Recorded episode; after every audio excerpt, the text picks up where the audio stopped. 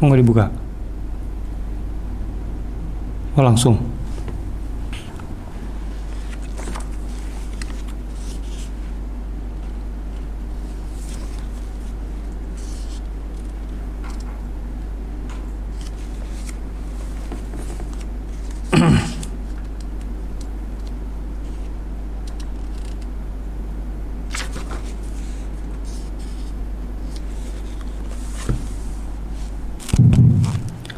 Bismillahirrahmanirrahim. Assalamualaikum warahmatullahi wabarakatuh. Alhamdulillahirrabbilalamin Wassalatu wassalamu ala sayyidil mursalin Sayyidil awalin wal akhirin Khatamin nabiyyin Nabiyina Muhammadin wa ala alihi wa sahbihi ajma'in. Wa man istanna bi sunnatihi wa tabahudahu ila yaumiddin amma ba'd. Ikhwati akhwati muslimin muslimat Rahimakumullah Alhamdulillah. Pada kesempatan malam hari ini kita berjumpa kembali Di pertemuan ketiga Kajian Senin malam Yang kita beri tajuk Lintas Masyrik dan Maghrib. Salat dan salam kita sanjungkan selalu kepada junjungan kita semua teladan hidup kita yaitu baginda Nabi Muhammad sallallahu alaihi wasallam juga kepada segenap keluarga, sahabat dan seluruh pengikut beliau. Muslimin muslimat rahimakumullah. Pada kesempatan kajian malam hari ini Insya Allah kita akan membahas satu tema yang terkait dengan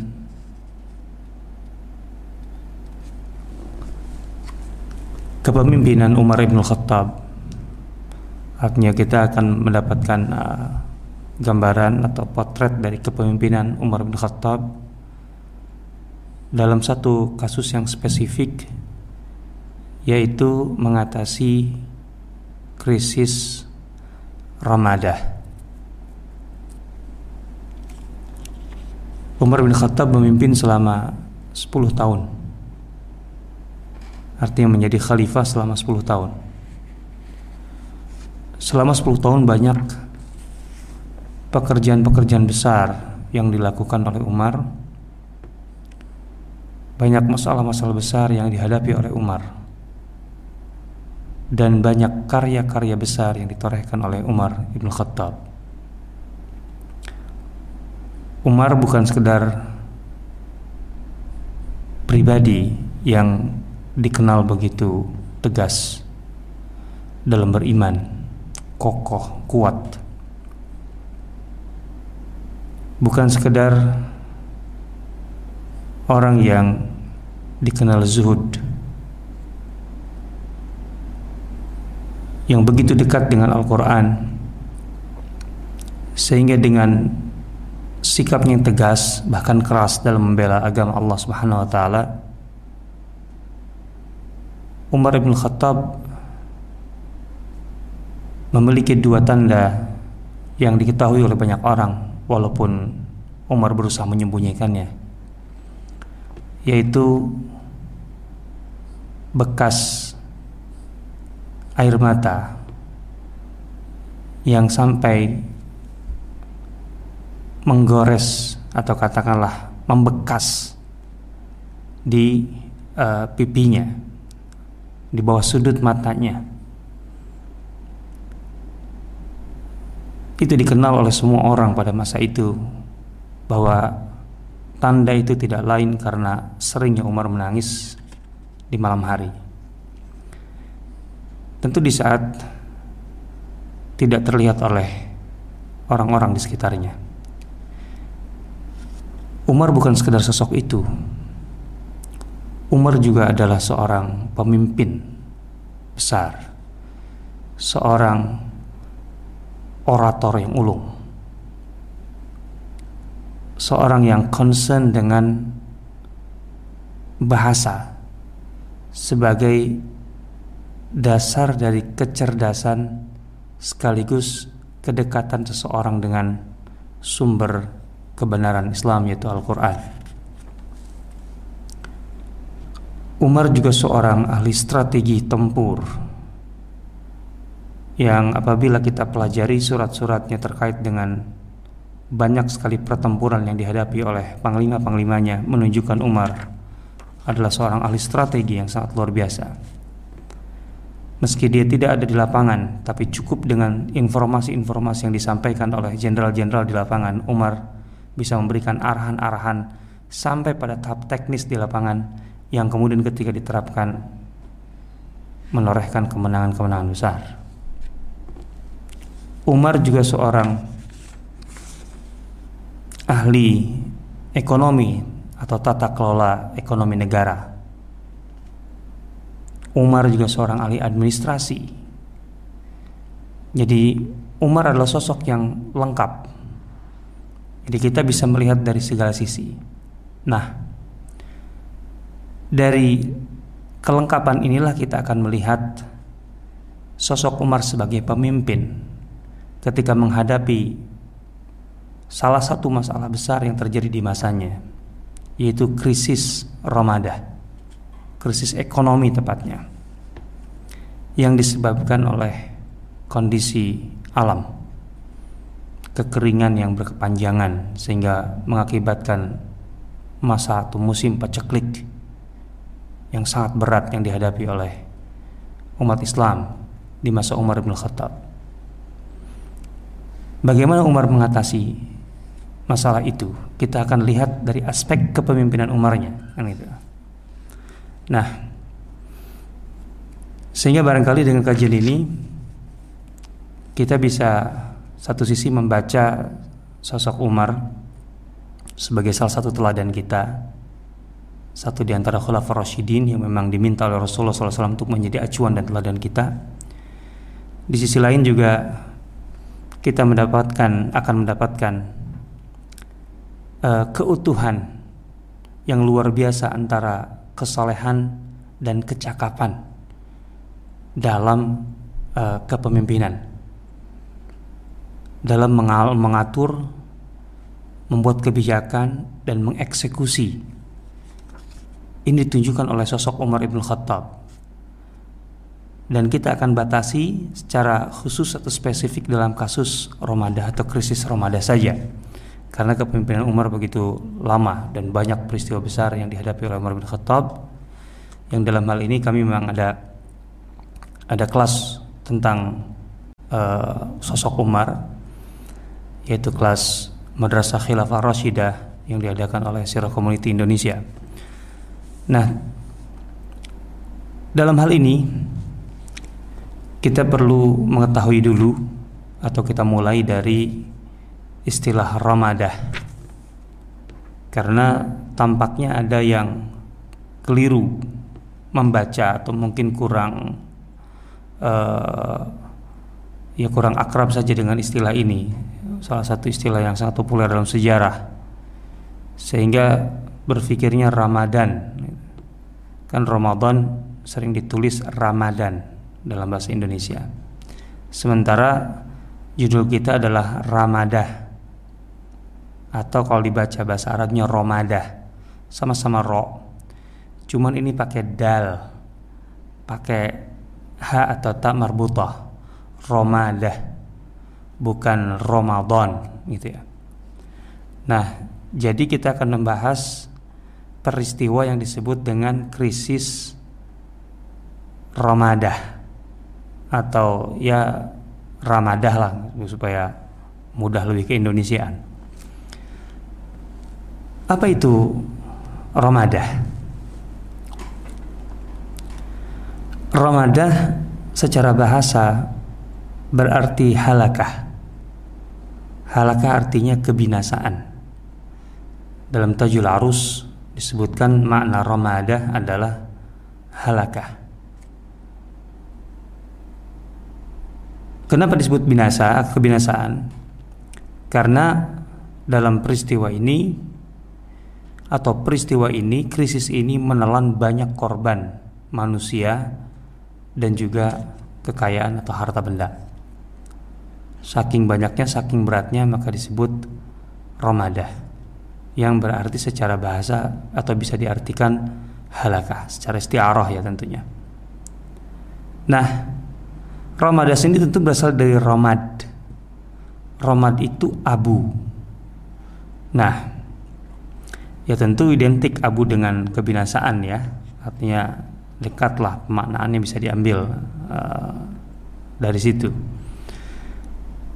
Disebut Ramadah gitu. Kenapa disebut abu, krisis abu gitu? Karena di masa itu saking keringnya dan kemudian disertai dengan angin yang kencang eh, tanah atau pasir halus itu berterbangan layaknya debu atau abu yang eh, ditiup angin kencang. Jadi saking kencangnya dan saking banyaknya kan itu. Sehingga kemudian kayak abu gitu ya.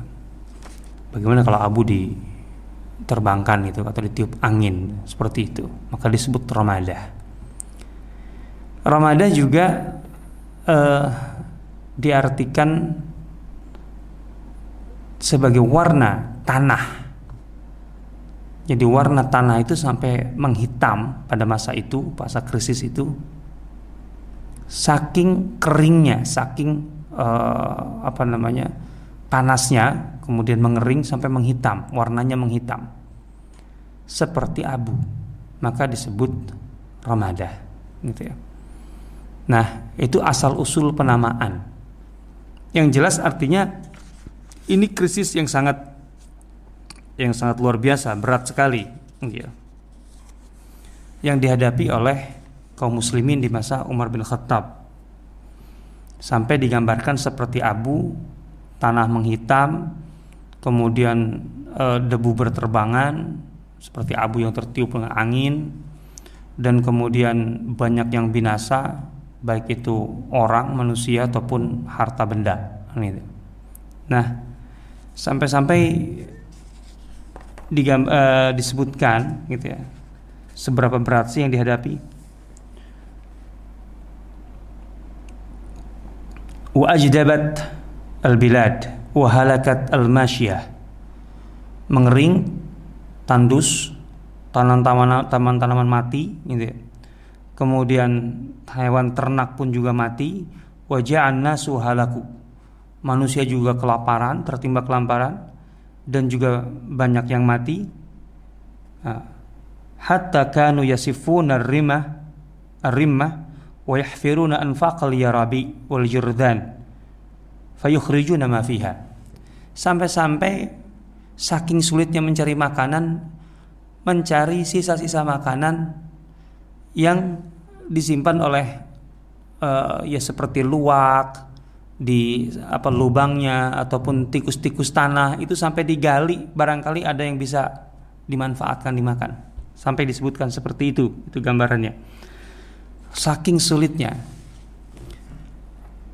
Juga disebutkan ketika di masa itu ketika seseorang menyembelih kambing saja itu sampai kemudian tidak tertarik untuk makan uh, kambing itu. Karena yes, bisa dikatakan nggak ada dagingnya gitu loh sampai sebegitulah gitu. jadi betul-betul uh, kondisinya sangat-sangat uh, menyedihkan memprihatinkan berat sekali yang dihadapi. Nah makanya tahun itu disebut dengan Am Ar-Ramadah tahun Ramadah. Disebut Am Ramadah karena hampir berlangsung selama satu tahun tepatnya antara 8 sampai 9 bulan. Ya. Dimulai dari akhir bulan Zulhijjah tahun 18 Hijriah. Jadi setelah haji tahun 18 itu sudah mulai terjadi kekeringan itu dan ternyata berlanjut sampai 8 bulan atau hampir 9 bulan berikutnya kurang lebih sampai bulan Sya'ban jadi Muharram, Safar, Rabiul Awal, Rabiul Sani, Jumadal Ula, Jumadal Thani, Rajab, Sya'ban. Jadi bisa dibayangkan ada delapan bulan e, kemarau atau tepatnya kekeringan yang sangat luar biasa dan panas yang luar biasa berkepanjangan sehingga tadi tanaman mati gitu ya kemudian ternak pun banyak mati manusia kelaparan gitu. dan kondisi ini berlangsung atau terjadi di sekitar Hijaz artinya di sekitar ibu kota Madinah dan sekitarnya disebutkan sampai ke Tihamah Tihamah itu adalah kawasan bagian barat eh, apa namanya eh, Hijaz yang memanjang dari ujung Yaman sampai ke ujung Palestina gitu ya. Nah itu Tihamah. Jadi daerah Tihamah, kemudian daerah Hijaz, Madinah dan sekitarnya gitu ya. Itu mencakup wilayah yang cukup luas gitu ya. Sehingga yang terdampak dengan krisis ini banyak sekali kabilah di situ karena memang banyak kabilah yang tinggal di kawasan ini gitu ya sehingga memang berat sekali yang dihadapi oleh Umar bin Khattab pada masa itu 8 bulan jadi krisis 8 bulan dan tentu dampak utamanya adalah ekonomi gitu ya. Uh, dan kita tahu bahwa di masa Umar juga ada peristiwa besar sebelumnya yaitu di sekitar awal tahun 17 gitu ya yaitu tahun atau wabah Amwas di Syam jadi di awal tahun 17 wabah Amwas di Syam, di akhir atau awal tahun 19 itu terjadi eh, Ramadah atau krisis Ramadah di Hijaz. Itu kalau terjadi pada suatu negeri kayaknya udah cukup untuk membuat tutup buku itu. Shutdown itu negara itu. Nah, itu yang terjadi pada uh, masa itu. Artinya dalam kurun waktu yang sangat berdekatan dari tahun 17 sampai tahun 19 gitu ya. Itu dua krisis besar. Tentu di saat yang sama banyak sekali proyek-proyek besar Umar bin Khattab um, terutama uh, peperangan melawan Romawi, Persia dan seterusnya. Artinya ini membuat semakin kondisi semakin sulit dan berat sebenarnya yang dari kaum muslimin. Jadi kondisi muslim sebelumnya tidak dalam kondisi normal, sedang perang melawan uh, sisa Bizantium di Syam. Ternyata tentu mereka sudah pernah melawan uh, Bizantium di Yarmouk sudah menang, juga bahkan sudah menaklukkan Palestina. Kita tahu itu. Gitu.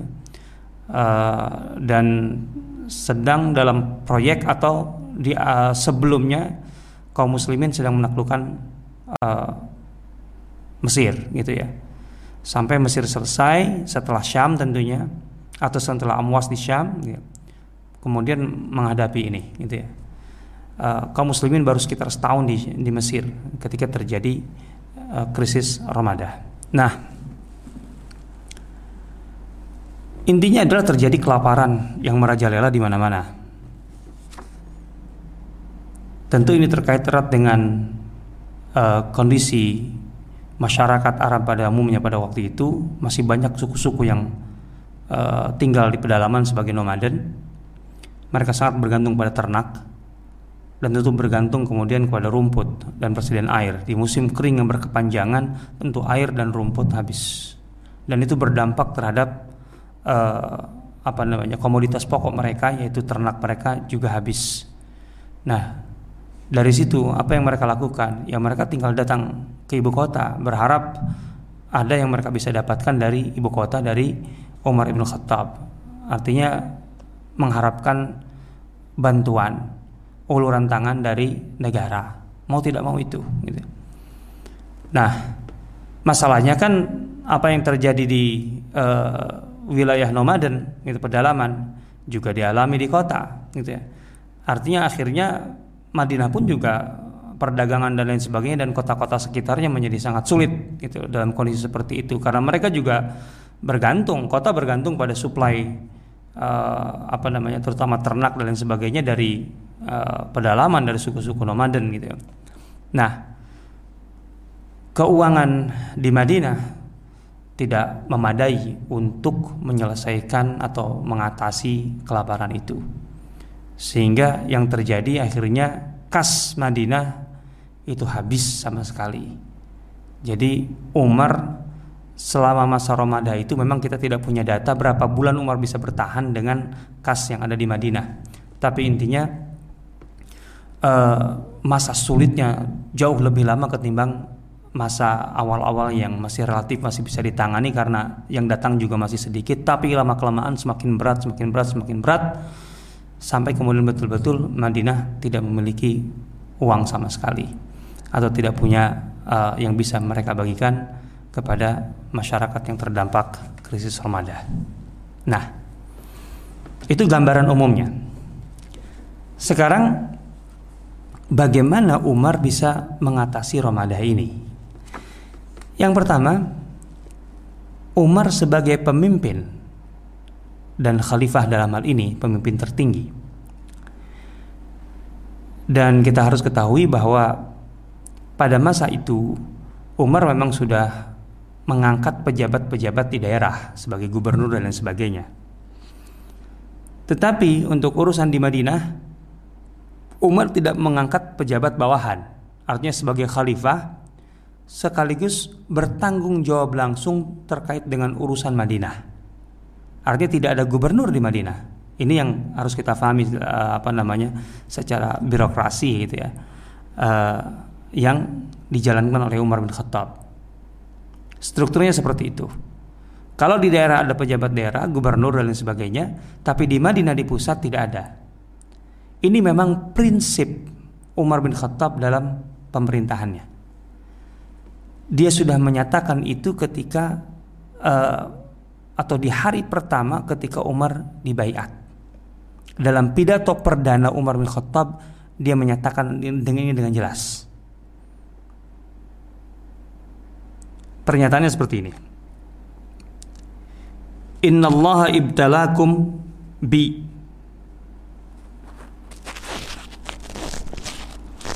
wabtalani bikum ba'da sahibayya. Sesungguhnya Allah menguji kalian dengan keberadaanku sebagai pemimpin. Artinya ini ini ini penting ini. Ketika Umar menjelaskan hubungan antara pemimpin dan rakyat ini adalah hubungan ujian. Di satu sisi keberadaan pemimpin adalah ujian bagi rakyatnya.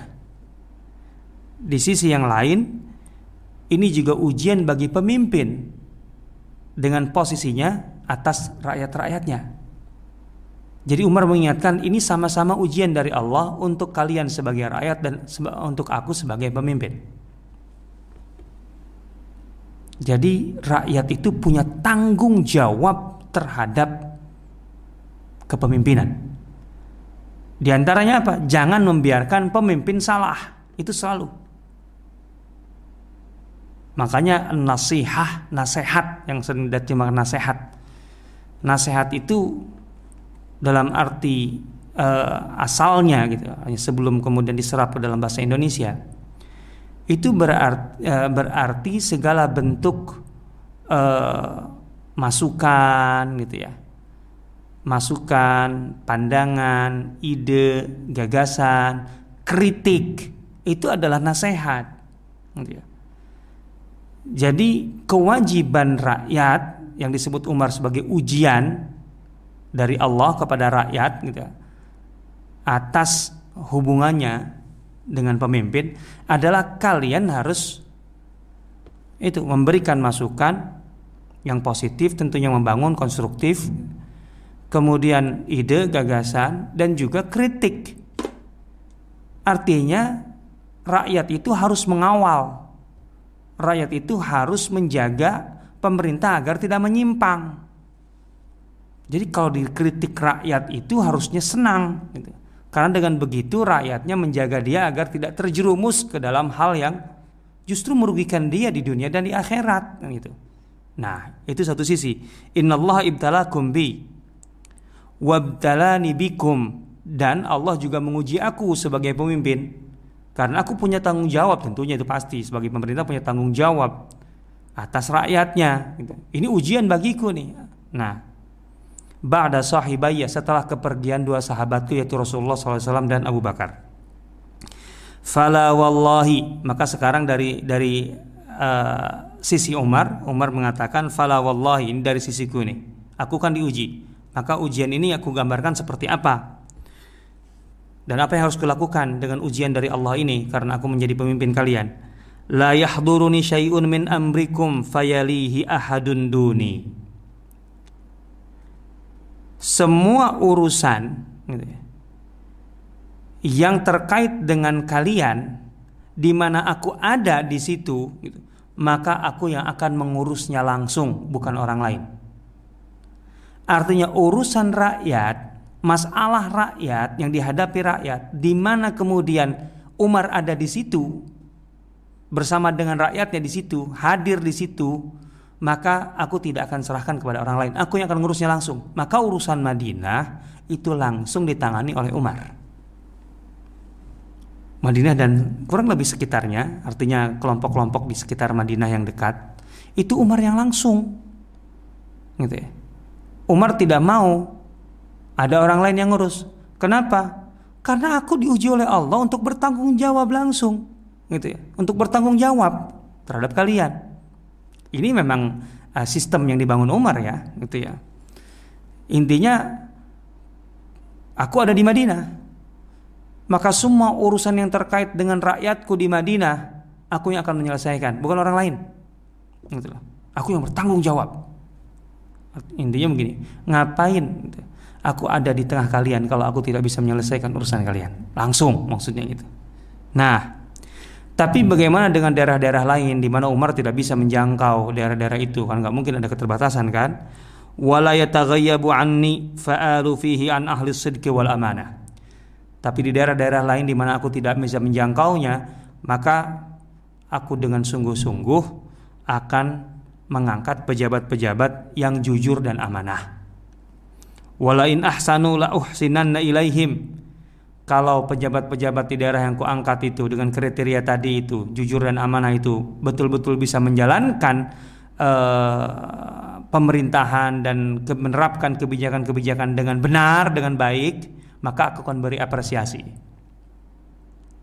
La uhsinanna ilaihim. Wala in asau tapi jika mereka kemudian tidak becus memimpin di daerah gitu ya la unakkilan nabihim aku akan hukum mereka dan ini dilakukan Umar dengan sangat-sangat jelas sekali setiap tahun setiap musim haji Umar berhaji dan kemudian akan meminta seluruh pejabat daerah datang ke Mekah berhaji untuk dievaluasi oleh Umar langsung.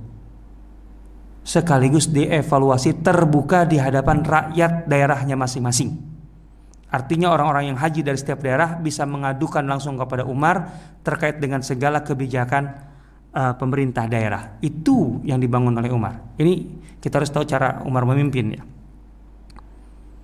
Jadi sejak hari pertama Umar dibaiat dalam pidato perdananya Umar menjelaskan gitu, ya, bahwa semua urusan rakyatnya yang bisa dia jangkau akan diurus langsung dan salah satu uh, apa namanya uh, pembuktiannya tentunya adalah ketika terjadi krisis Ramadan ini. Ketika krisis Ramadan dan kebetulan Ramadan ini terjadinya di Hijaz.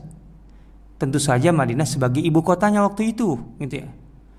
Artinya eh, baik yang ada di Madinah maupun di sekitar Madinah itu kemudian merangsak masuk ke Madinah gitu. Dan di situ betul-betul kepemimpinan Umar ter, uh, diuji gitu ya. Diuji betul. Pernyataannya dia dulu itu bahwa semua urusan yang bisa kujangkau akan kuurus sendiri. Gitu ya. Maka menghadapi krisis Ramadan ini, apa yang dilakukan Umar secara langsung sebagai pemimpin yang bertanggung jawab di Madinah dan sekitarnya secara langsung. Nah, Artinya Umar tidak uh, eh, serta merta uh, eh, meminta kepada pejabat-pejabat daerah dan sebagainya untuk menyelesaikan krisis Ramadan yang terjadi di Hijaz ini. Umar sendiri langsung, lebih dulu dia sendiri yang melakukannya. Gitu. Artinya dia terjun langsung sampai tahap tertentu baru Umar kemudian berkoordinasi dengan daerah-daerah yang lain. Gitu ya. Artinya selagi masih bisa ditangani dari awal, maka Umar uh, menanganinya lebih dulu. Tapi begitu kemudian semakin berat baru Umar kemudian berkoordinasi. Nah, ini yang harus kita pahami cara Umar memimpin. Gitu. Ya memang pemimpin-pemimpin itu akan teruji ya. Ya terujinya bukan ketika kampanye kan. Ketika kampanye dia bisa berbicara seenaknya, bisa berjanji, eh, ber, ber, memberikan janji-janji sesuka hati.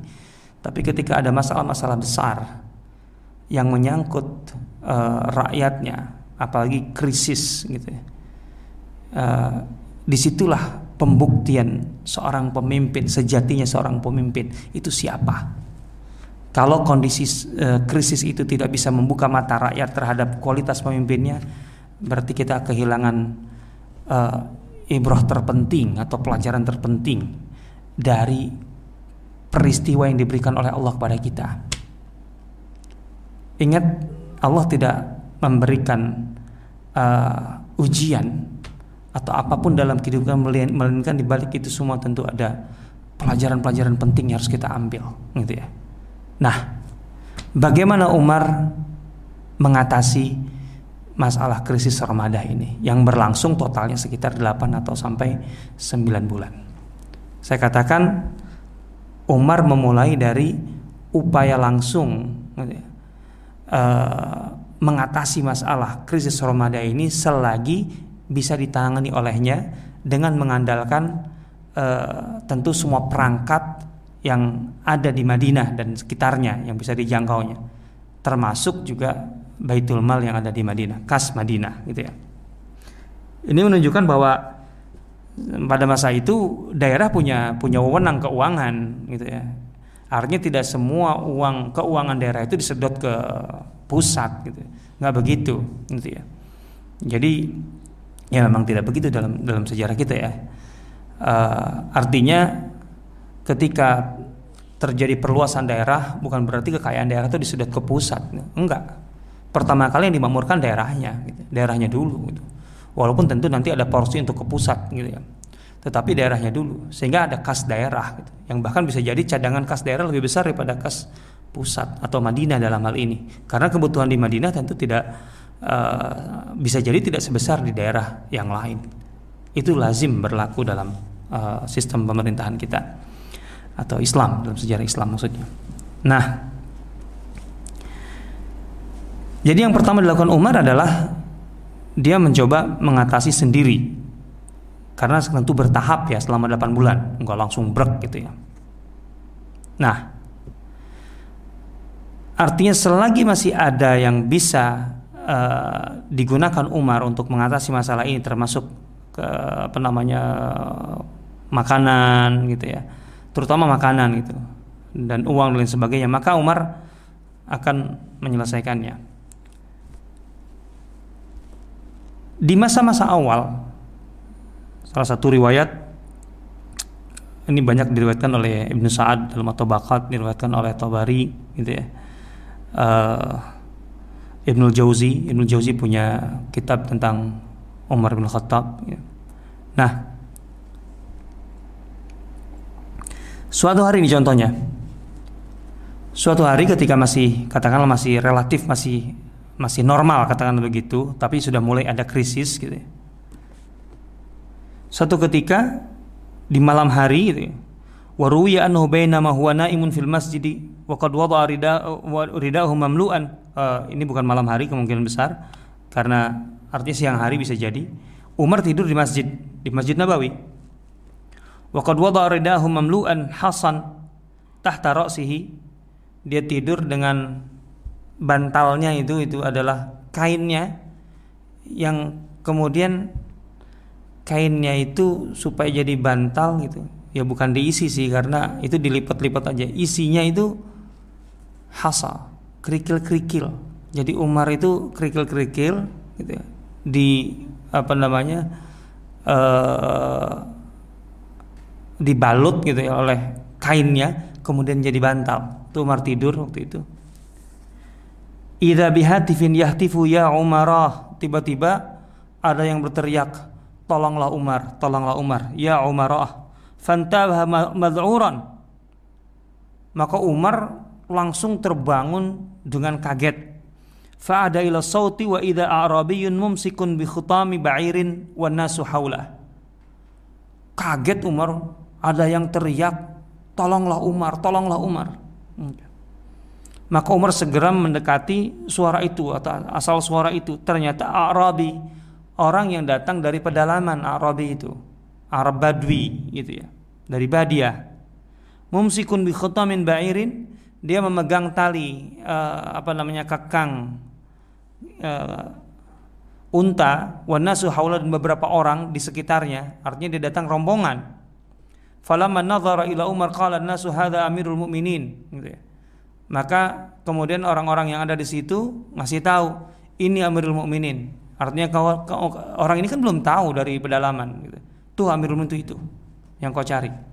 Fakala Umar man adak.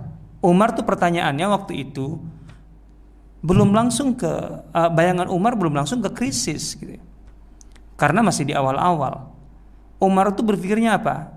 Orang ini memanggil nama Umar minta tolong karena dia dizolimi. Man adak, siapa menyakitimu? Siapa menzolimimu? Bayangkan Umar sampai terbangun kaget dari tidurnya. Mendengar orang berteriak minta tolong.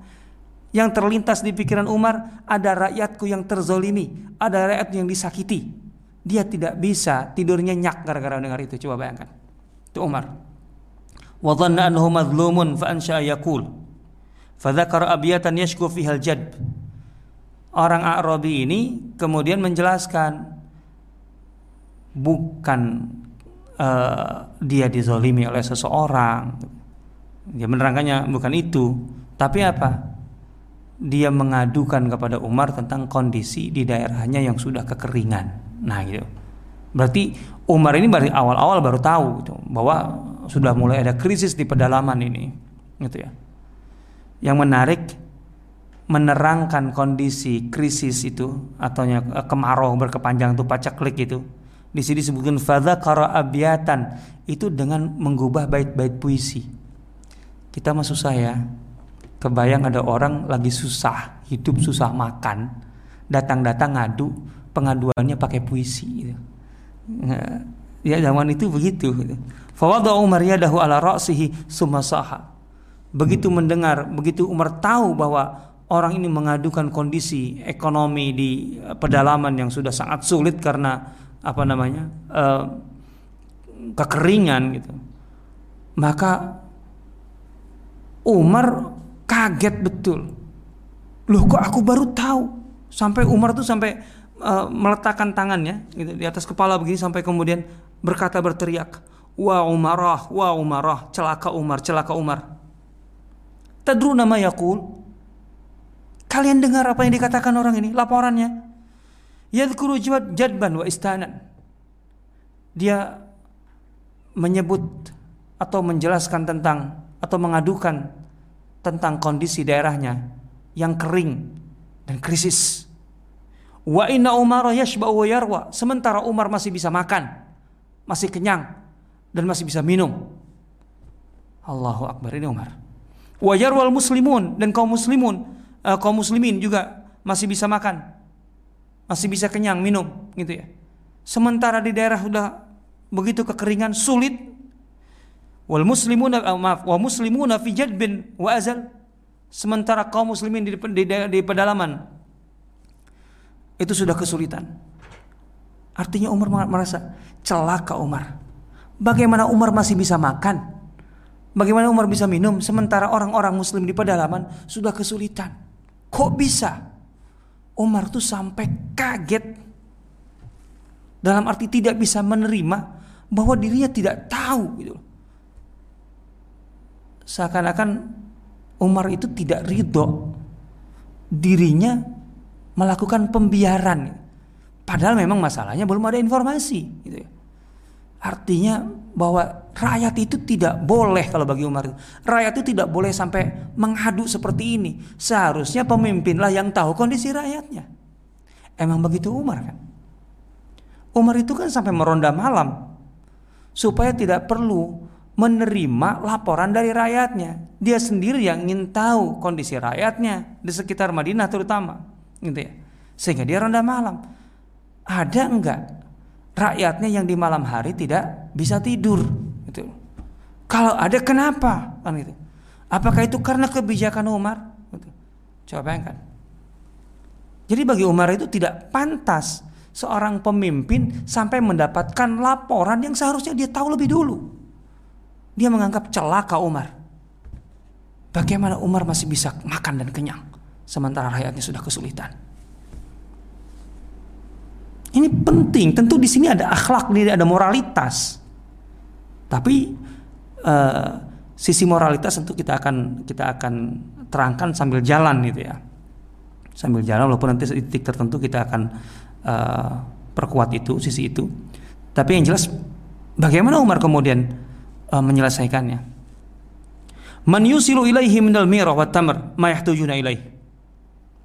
Ayo, siapa di antara kalian yang uh, apa namanya membawa makanan dan apa di sini almirah. Almirah itu berarti unta bukan satu dua gitu.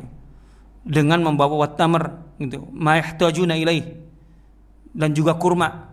Dan hajat atau segala yang bisa yang yang yang mereka butuhkan untuk keluar dari krisis itu.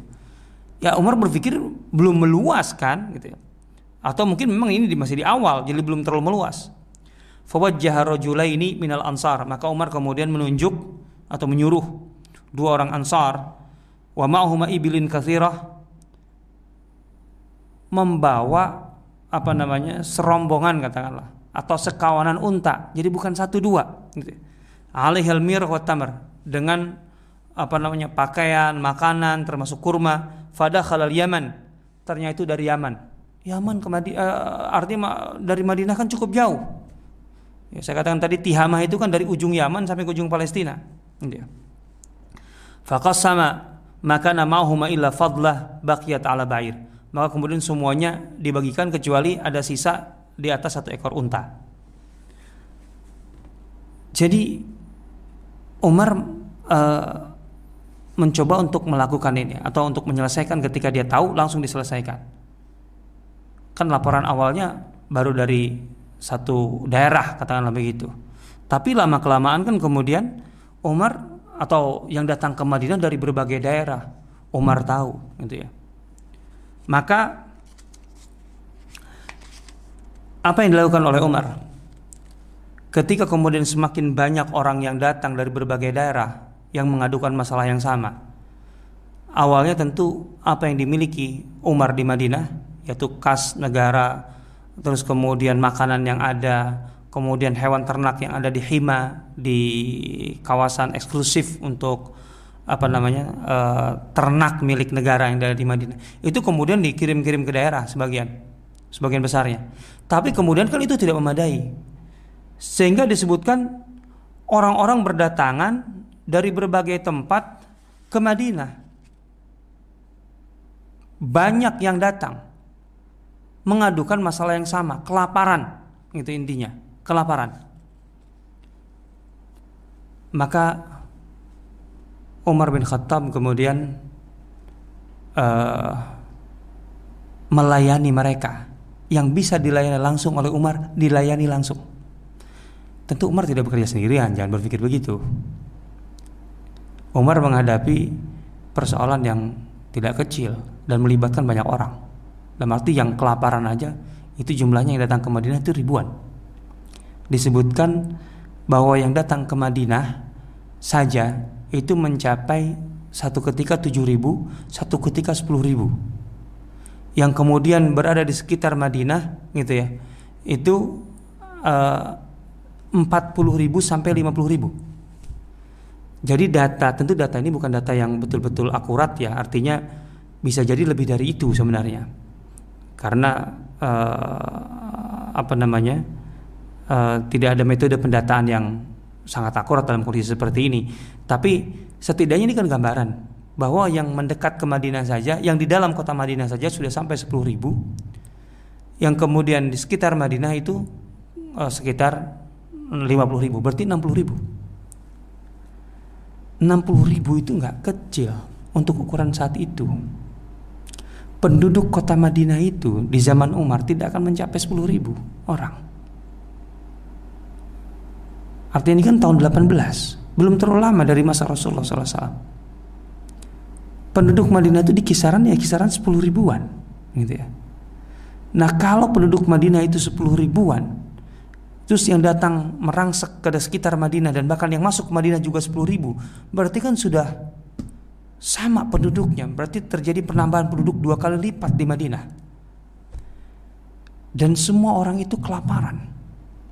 Bisa dibayangkan Sebenarnya ini bisa bisa berdampak sangat besar sekali Bisa jadi terjadi chaos. Di masa sulit ekonomi gitu. Di masa kelaparan. Jakarta dengan 8 juta penduduknya taruhlah begitu. Kemudian datang dari berbagai daerah 8 juta lagi ke ke, ke Jakarta. Kira-kira apa yang bisa terjadi yang terjadi? Nggak kebayang itu. Kacau. Mulai dari kepanikan panik buying dan sebagainya kelangkaan makanan kemudian ya mengatasi uh, kekurangan itu, kelaparan di mana-mana, atau bahkan kriminal kejahatan merajalela, sangat mungkin, sangat mungkin. Ini yang datang ke Madinah itu yang di dalam kota Madinah sampai 10 ribu. Yang dari yang di sekitar sekitar Madinah sampai 50 ribu berarti 6 kali lipat gitu ya 6 kali lipat Gak kebayang kalau ke Jakarta masuk 20 juta orang yang itu nggak sampai enam kali lipat. Umar tentu tidak sendirian, tapi riwayat-riwayat menjelaskan tentang apa yang dilakukan Umar secara pribadi. Tentu Umar dengan tim bekerja. Disebutkan dalam riwayat-riwayatnya bahwa Umar itu membuat semacam dapur umum, disebutkan begitu. Membuat dapur umum dengan periuk-periuk yang besar dan masak sepanjang malam sehingga pagi kemudian bisa dibagi makan. Gitu ya. Data tadi bisa kita dapatkan karena memang Umar pernah menyuruh gitu loh. Artinya Umar itu memang orang yang melek data. Umar itu menyuruh uh, pejabatnya di Madinah katakan atau bawahannya di Madinah untuk coba hitung yang makan bersama kita malam ini. Makan bersama kita maka dihitung. Pernah satu ketika atau dalam satu kali perhitungan itu ribu. Dalam perhitungan berikutnya sepuluh ribu. Itu yang ada di dalam kota Madinah. Terus yang kita hantarkan keluar-luar itu ternyata sekitar 40 sampai 50 ribu. Nah ini ini yang uh, apa namanya uh, gambaran tentang kondisi saat itu, gitu ya. Nah artinya yang terlibat, yang masak, gitu, yang lain sebagainya itu banyak, tapi Umar mengontrol. Disebutkan bahkan Umar itu sampai uh, ikut menjelaskan bagaimana cara masak yang benar. Baik itu di dapur umum ataupun kepada orang-orang yang memasak untuk uh, keluarga mereka. Nah, ini contohnya dalam uh, terkait dengan bagaimana Umar berkhidmat, artinya melayani rakyatnya gitu, secara langsung. Qala Abu Hurairah. Abu Hurairah menuturkan ini. Dalam Tarikh Tabari dalam Riyad An-Nadirah Al-Muhib At-Tabari Qala Abu Hurairah yarhamullah Ibnu Hantamah.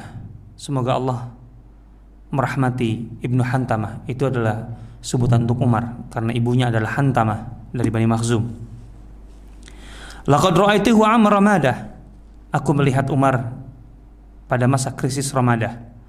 Wa innahu la yahmilu ala dhahri jirabaini wa akatan wa akata zait pada masa krisis Ramadan itu aku pernah melihat Umar memanggul dua karung dua karung gandum dan membawa akka itu semacam wadah gitu yang lebih uh, kecil dari kirbah kirbah itu biasanya wadah untuk minuman atau makanan dari kulit berisi minyak samin. Gitu ya. Jadi dua karung gandum dengan minyak samin dia bawa.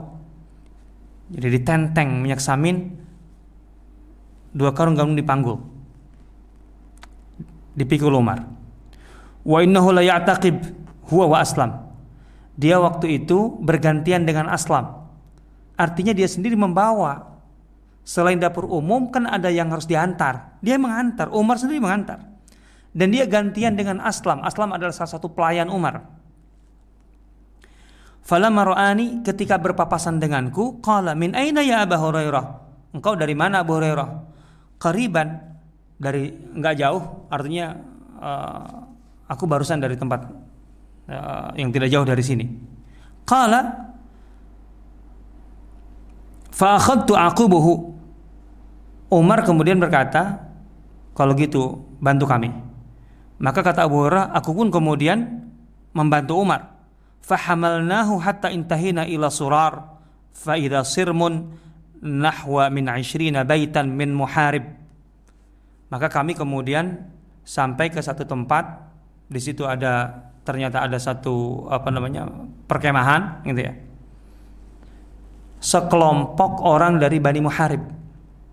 Sebanyak 20 kakak 20 keluarga 20 keluarga dari Bani Muharib. Faqala Umar ma'aqdamakum Umar bertanya Kenapa kalian datang ke sini? Qalu al-jihad. Peceklik Kami kesulitan makan. Qala Wa akhrajulana jilda maitah Kanu yakuluna Dan mereka menunjukkan Bahwa sampai pada tahap mereka tuh harus Makan uh, daging ah, bukan daging uh, kulit bangkai gitu ya yang mereka bakar gitu kan. Warumat ta'idham juga tulang yang sudah mereka tumbuk bubuk gitu loh untuk bisa mereka makan. Qala faraitu Umar taraha ridaah. Abu Hurairah menceritakan melanjutkan aku kemudian melihat Umar meletakkan kainnya summa nazala yatbukh lahum kemudian Umar uh, memasak sendiri, artinya membuat perapian dan memasak sendiri. Tidak menyuruh mereka untuk masak. Umar ingin memastikan aku masak sendiri. Wa yut'imuhum hatta syabi'u dan memberi mereka makan sampai mereka kenyang. Suma arsala Aslam ilal Madinah. Kemudian Umar menyuruh Aslam, Aslam balik ke Madinah. Faja'a bi Abairah. Maka kemudian Aslam membawa, membawa balik atau ke tempat itu dengan membawa beberapa ekor uh, unta. Fahamalahum alaiha hatta anzalhum aljibana. Kemudian uh, dengan unta-unta itu kemudian mereka ditempatkan di satu tempat yang disebut dengan jibana. Summa kasahum kemudian memberi pakaian kepada mereka. Summa lam yazal yakhtalifu ilaihim wa ila ghairihim hatta rafa Allah dzalik artinya mereka kemudian ditempatkan di satu tempat. Udah kalian di sini gitu ya nanti yang lain di blok mana maka Umar terus uh, berkali-kali bolak-balik ke tempat mereka, artinya melayani mereka dengan seperti itu, juga dengan yang lain-lain, kata Abu Hurairah. Sampai Ramadan selesai. Artinya itulah aktivitas Umar. Dia membuktikan kata-katanya ketika dia pidato perdana pertama kali lima tahun sebelumnya atau enam tahun sebelumnya bahwa urusan-urusan kalian yang terjangkau olehku, aku akan urusi sendiri. Urusi sendiri maksudnya, aku tidak akan diam karena semata-mata aku punya pembantu. Umar dibantu tentu. Tadi dibantu oleh Aslam, dibantu oleh Burur, dibantu dengan lain-lain. Tetapi Umar pun kemudian ikut bekerja langsung di situ menyelesaikannya. Itu Umar, gitu ya.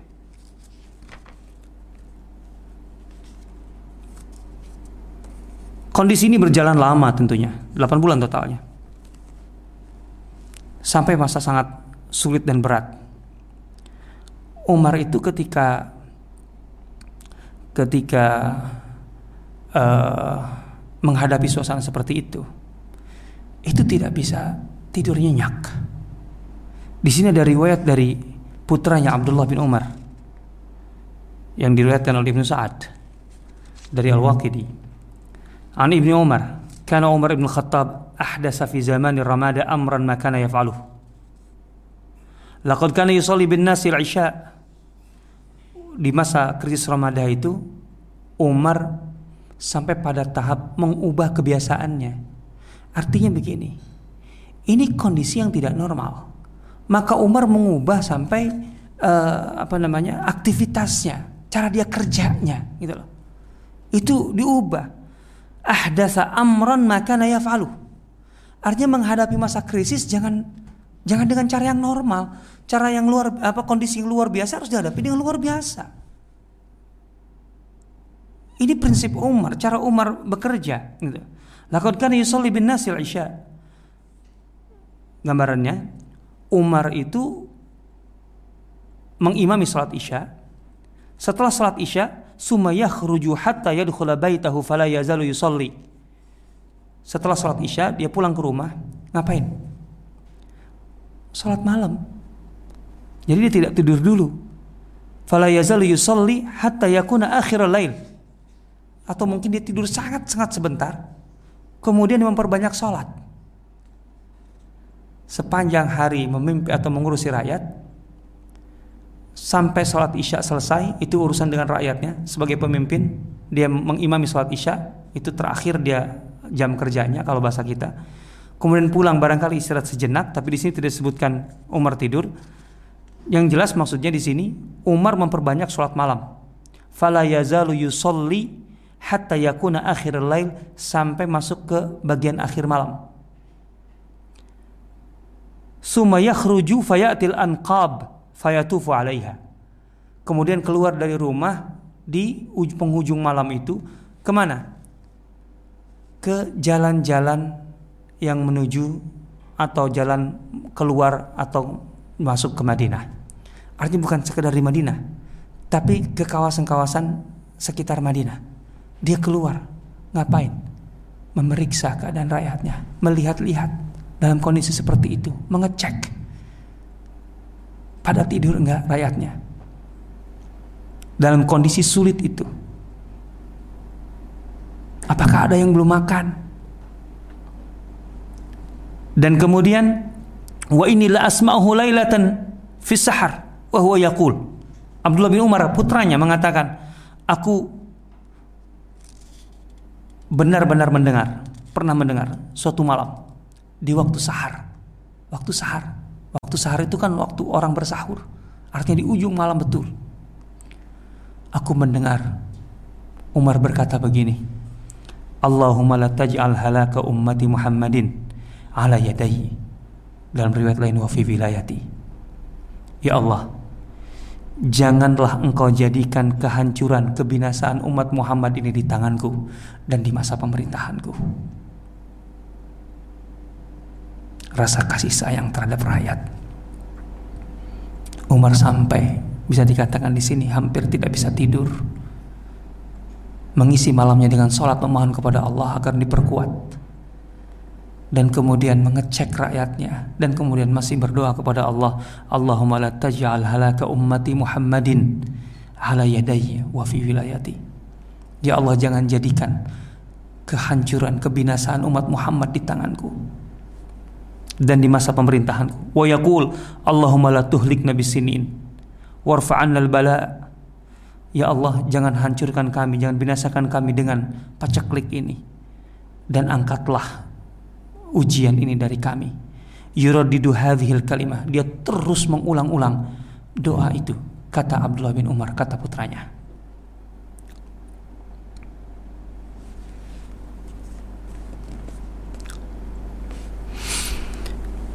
Riwayat lain dari Malik bin Aus.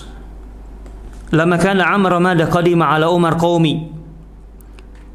Kaumku itu Bani Nasr di tahun Ramada itu datang ke Madinah. Wahum mi'atu baitin sebanyak 100 keluarga. Fanazalu bil Jibana. Maka kemudian ditempatkan di Jibana salah satu kawasan di Madinah. Fakana Umar yut'imun nas manja'ah. Ini saksi kesaksian. Umar memberi makanan kepada setiap orang yang datang padanya. Yang. Fakana yursilu ila qaumi. Ya memberi makan tadi dengan secara langsung atau dengan e, mengirimkan makanan itu ke lokasi-lokasi rakyatnya yang tinggal di sekitar Madinah. Bima yuslihum syahran bi syahrin. Dan kemudian Umar memberikan apa namanya semacam mengalokasikan jatah setahun sebulan sebulan sebulan gitu. Wa kana yata'ahad mardahum. Umar memeriksa anggota keluarga kami ini pengakuan dari Bani Nasr. Malik bin Aus. Dan bukan hanya Bani Nasr, semua orang yang datang ke Madinah itu. Umar disebutkan memeriksa siapa aja yang sakit. Wa akfana man mata minhum dan menyiapkan kain kafan bagi yang mati. Walaqad ra'aitul mauta waqa fihim hatta akalus dan seterusnya. Dan aku lihat memang kematian begitu dekat dengan mereka karena yang dimakan sudah sampai pada tahap yang tidak layak gitu ya. Wa kana Umar radhiyallahu anhu yati bi nafsi fayusalli alaihim. dan kemudian Umar pun juga mendatangi setiap kelompok itu dan yang meninggal kemudian Umar mensolatinya. Gitu. Laqad ra'aituhu shalla ala asyaratin jami'an. Aku pernah melihat dalam satu waktu Umar di satu kelompok mensolati jenazah 10 jenazah sekaligus. Dan itu dilakukan Umar sampai selesai, sampai tuntas krisis Ramadan itu. Ketika tuntas qala ukhruju minal qaryah ila ma kuntum i'tadtum minal bariyah. Sudah, sudah selesai. Sekarang pulanglah ke tempat masing-masing di mana kalian eh, biasa apa tempati. Fajala Umar yahmilu dha'ifa minhum. Tapi ketika Umar melepas mereka, itu Umar masih sempat mengantar orang-orang yang lemah disebutkan. Yang lemah itu Umar sendiri yang kemudian membopongnya sampai ke tempat apa namanya yang bisa dikatakan ya terjauh dari Madinah yang terdekat dengan daerah mereka. Sebagian diperlakukan seperti itu oleh Umar. Tentu tidak semua bisa dilakukan diberlakukan seperti itu oleh Umar sendiri, tapi bersama Umar tadi ada perangkatnya. Tapi Umar terjun langsung di sini. Tidak sendirian.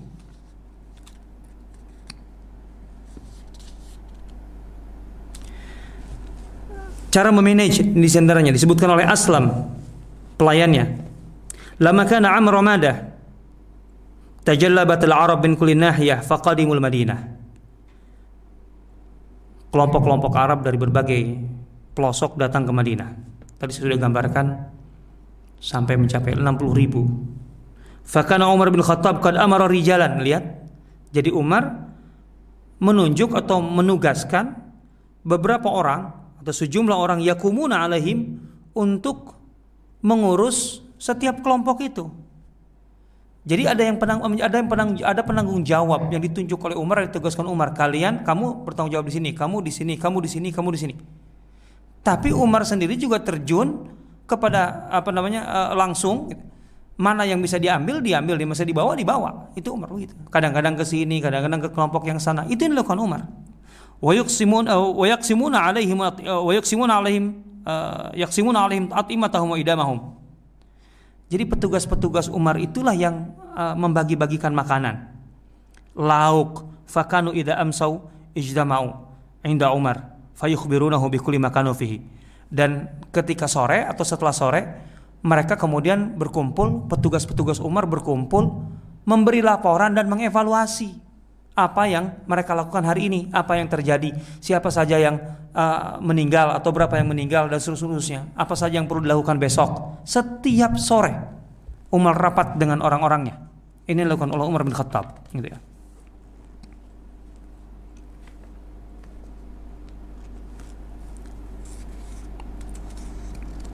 Nah,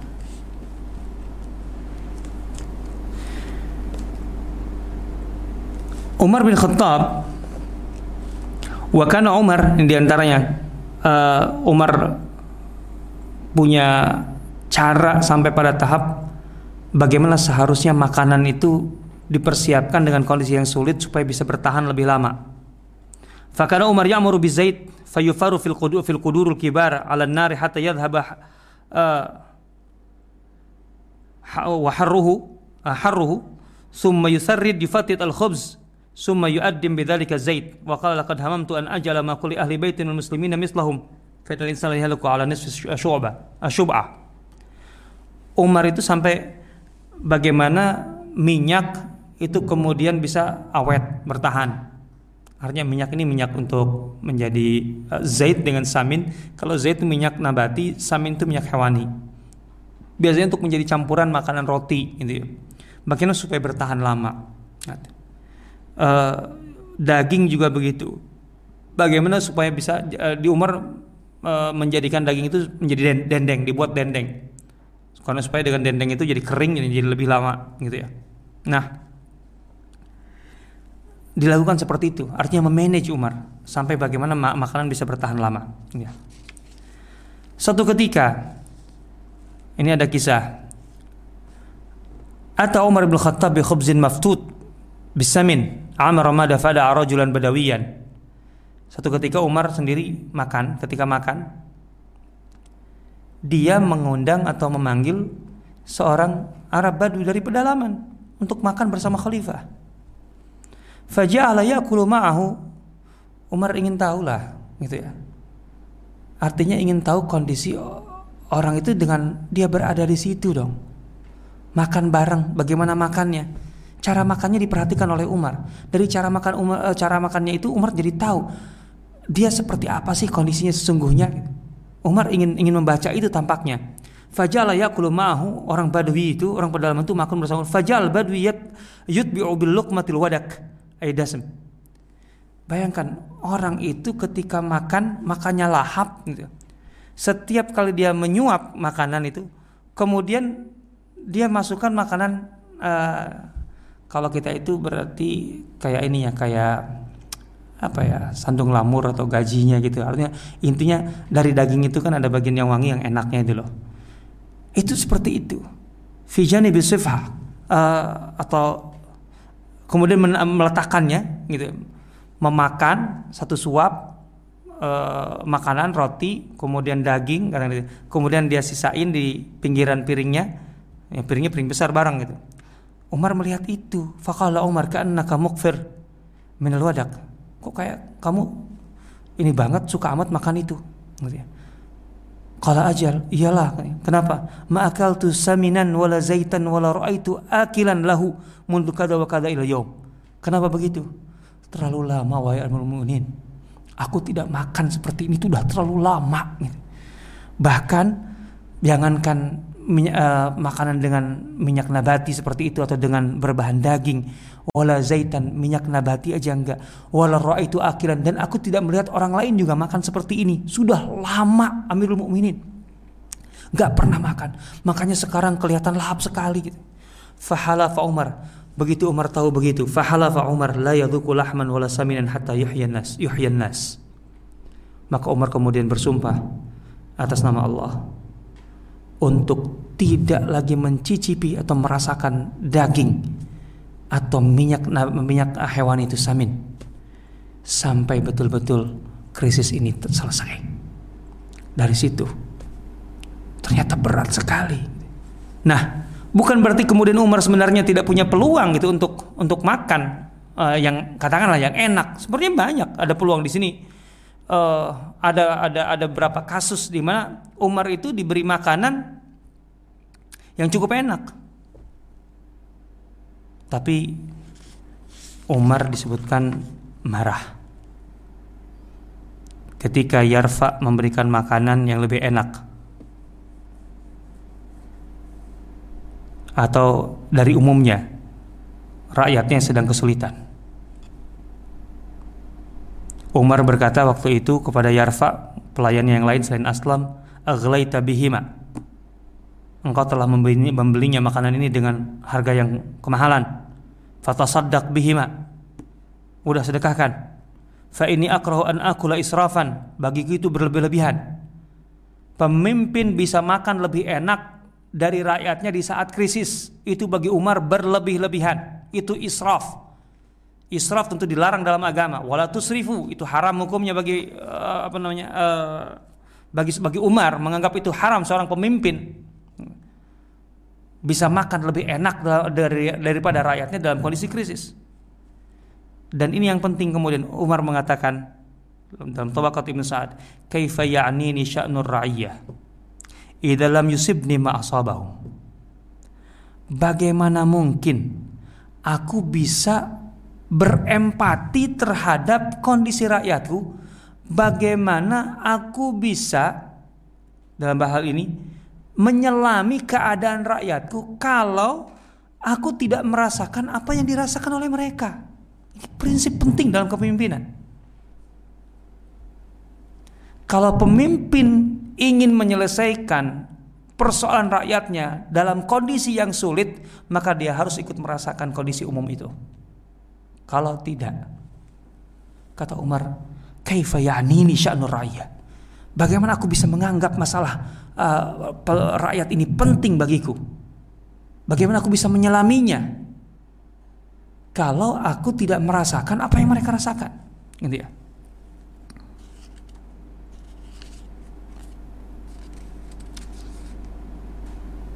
Umar merasa tidak akan bisa menyelesaikan urusan rakyat kalau dia tidak ikut merasakan. Makanya disebutkan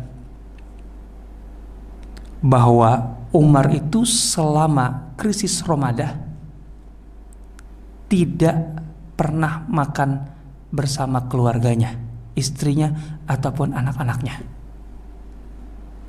Dia makan bersama rakyatnya. Artinya makanan Umar itu makanan yang diambil dari dapur umum, bahasanya begitu. Artinya makanan yang dirasakan oleh rakyatnya dalam kondisi krisis. Dan dia makan bersama mereka. Umar tidak makan di rumahnya, di dalam rumahnya selama krisis Ramadan. Nah, ini berjalan tentu semakin lama semakin sulit. Artinya Madinah semakin berat. Maka Umar kemudian berkoordinasi bagaimana masalah di Hijaz itu bisa teratasi ketika semakin sulit seperti tadi itu. Umar kemudian mengirimi surat, mengirim surat kepada gubernur-gubernur daerah untuk membantu Madinah. Artinya kas-kas daerah itu kemudian uh, di apa namanya disalurkan sebagai bantuan ke, ke Madinah. Ini menarik di sini ada surat-surat Umar gitu, yang dikirim kepada Amr bin As bagi gubernur Mesir dan kita tahu Mesir baru sekitar satu tahun satu tahun lebih sedikit ditaklukkan oleh Amr bin As. Tapi ternyata perekonomian di Mesir dalam satu tahun itu sudah luar biasa gitu. Karena kemudian Amr bin As bisa membantu Madinah dengan bantuan yang luar biasa. Begitu juga Syam. Syam juga belum lama dari krisis Ramadan gitu. eh, krisis eh, tahun atau wabah Amwas. Tapi Muawiyah juga mengirim bantuan juga yang tidak kecil ke Madinah. Ini menunjukkan dalam satu tahun atau satu tahun setengah itu mereka sudah bisa sudah recovery. Tapi kemudian artinya dari tahun uh, dari wabah amwas di uh, Palestina atau di uh, Syam dan dari Mesir yang baru ditaklukkan satu tahun lebih. Ekonomi bergerak dengan cepat gitu. Begitu juga dari Irak, dari Sa'ad bin Abi Waqqas waktu itu sebagai gubernur Irak, Kufa. Ini menarik bahasa Umar. Ketika sudah tampak kesulitan Umar di Madinah. Ila sairil amsar yasta'inuhum wa yastaghithuhum li ahli Madinah min hauliha. Kataba ila Amr bin As. Ini surat Umar bin As, uh, surat Umar kepada Amr bin As, gubernur Mesir. Bismillahirrahmanirrahim. Min Abdillahi Umar dari hamba Allah Umar tawaduknya. Amirul Mukminin Amirul Mukminin untuk menunjukkan struktur. Artinya ini perintah. Yang menulis surat ini bukan Umar pribadi, tapi Umar sebagai atasanmu Amirul Mukminin. Ilal asi kepada pemaksiat, pendosa. Ini bahasa Umar, artinya bukan Umar berarti menuding Amr bin As sebagai pendosa. Iya siapa manusia yang tidak berdosa? Umar mendidik gubernurnya, engkau itu manusia biasa. Manusia itu pasti berdosa. Kulu bani Adam khata ilal asi ibnul asi kepada pendosa, putra pendosa. Di bahasa Umar ini. Kan harusnya gitu ya, pemimpin mendidik kalau pemimpin mendidik itu kan harus begitu. Mengingatkan, kamu tuh bukan siapa-siapa. Ayo. Kamu kan tahu ada krisis kayak gini, masa harus disurati kan gitu. Salamun alaik. Amma ba'd. Afatarani halikan wa man qibali wa ta'ishu anta wa man qibalak wa man. Coba di suratnya. Simple. Singkat. Salamun alaik amma ba'du. Afatarani halikan wa man qibali. Engkau mau melihat aku mati dan juga orang-orang di sekitarku? Apa engkau bisa gitu melihat aku mati dan orang sekitarku? Wa ta'isu sementara engkau dirimu itu hidup wa man kibalak dan juga orang-orang di sekitarmu. Sementara engkau bisa menikmati hidup dan orang di sekitarmu dan aku engkau mau biarkan mati? Itu Cuman gitu isi surat Umar. Faya gausa wa ya gausa. Amru cepat bantu, cepat bantu. Hanya segitu surat Umar. Fakataba ilahi Amr bin As. Maka sebagai jawaban Amr bin As menulis surat begini. Bismillahirrahmanirrahim. Li Abdillahi Umar, Amirul Mukminin. Kepada hamba Allah Umar, Amirul Mukminin. Min Amr bin As. Dari Amr bin As salamun alaik. Fa inni ahmadu ilaika Allah alladzi la ilaha illahu. Segala puji bagi Allah. Amma ba'd. Atakal ghaus. Pasti kami bantu. Segera datang bantuan itu. Falabis labis. Bertahanlah, bertahanlah. La ba'asanna ilaika bi'irin awwalaha indaka wa akhiraha indi. Aku akan kirimkan uh, air, karavan, kawanan unta gitu ya. Seperti karavan dagang membawa barang-barang. Dalam bahasa Amr itu saking istilahnya aku betul-betul serius itu. Awaluha indi, uh, awaluha indak. Yang pertama, artinya yang berada di garis pertama, itu akan berada di dekatmu, di hadapanmu. Sementara yang terakhir dari Mesir ini masih di aku. Maksudnya bukan berarti sebanyak itu yang dikirim, yang gak kebayang dari Mesir ke Madinah itu seberapa banyak. Tapi maksudnya sebanyak mungkin akan kukirim. Semampu kami di sini akan kami kerahkan untuk apa namanya membackup Madinah. Ma'ani arju an sabilan an ahmila fil bahar. Itu melalui darat tapi aku juga akan berupaya untuk mengirim bisa lebih cepat melalui laut. Maksudnya melalui laut itu laut dari apa dari pelabuhan Nil untuk masuk ke apa namanya uh, laut merah tentunya. Karena dari laut akan lebih cepat. Nah, dan itu ternyata memang direalisasikan. Bantuan dari darat dikirim, dari laut dikirim. Gitu ya. Faba'asa fil barri bi alfi ba'irin. Maka Amr bin As kemudian mengirim seribu ekor unta tahmilu daqiq dengan gandum di atasnya gitu ya seribu ekor unta wa ba'asa fil bahri bi safina tahmilu daqiq sementara uh, melalui laut jalur air itu 20 kapal 20 kapal juga membawa uh, gandum dan juga minyak minyak samin gitu ya Wa ba'asa ilaihi bi khamsati alaf kisah. Juga baju. Kalau bahasa kita 5000 pasang, 5000 helai. Itu ke Amr bin As, gubernur Mesir. Wa kata ila Muawiyah. Juga Muawiyah gubernur Syam. Idza ja'aka kitabi hadza. Jika engkau menerima suratku ini, eh, ini intinya, isinya. Fab'as ilaina minat ta'ami bima yuslihu man qibalana. Fa innahum qad halaku illa ayyarhamahumullah. Maka segera engkau kirimkan bantuan makanan untuk bisa mengatasi kondisi orang-orang di sekitar kami di sini di Hijaz karena mereka sudah nyaris binasa kecuali yang dikasihi oleh Allah Subhanahu wa taala. Maka Muawiyah kemudian mengirimkan 3000 bisalah sati alafi ba'ir 3000 unta dengan makanannya tahmilu daqiq yaitu gandum. Wa ba'asa ila bisal sati alaf aba'a. Juga 3000 helai kain. Wa kataba ilai ukhra.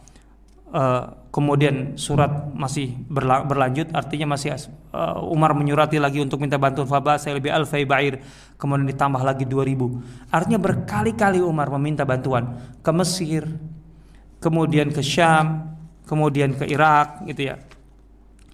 Intinya uh, bantuan dari sana sini Umar berkoordinasi dengan pemerintah daerah agar kemudian kas-kas daerah bisa uh, disalurkan untuk membantu Madinah dan Hijaz.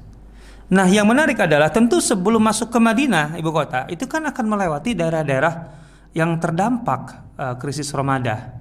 Nah, Umar mengirimkan orang, gitu ya, dari Madinah untuk apa? Untuk bisa menyalurkan Eh, bantuan-bantuan uh, itu gitu, ke daerah-daerah terdekat dulu yang dilalui oleh uh, karavan itu. Seribu yaitu ekor unta dari Mesir, uh, tiga ribu kemudian uh, lima kemudian lima ribu dari uh, Syam gitu. Ya.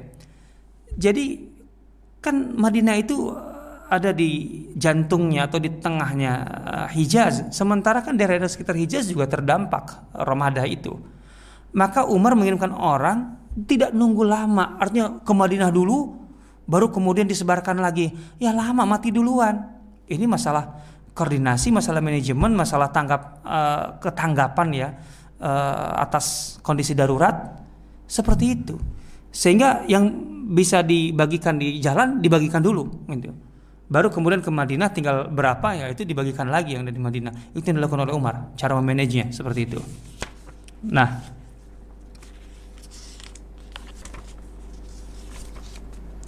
sebelum mengakhiri ya ada riwayat yang menarik tentang manajemen Umar gitu di sini. Bahwa Umar mengatakan dan ini dia dia katakan setelah selesai tepatnya sih setelah selesai. Uh, bahwa rencana Umar dalam rencana Umar ini sebagai rencana barangkali rencana pamungkas fawallahi law lam yufarrijha Allah andai masih berlanjut krisis Ramadah itu ma taraktu ahla baitin minal muslimin lahum sa'atun illa adkhaltu alaihim a'dadahum minal fuqara.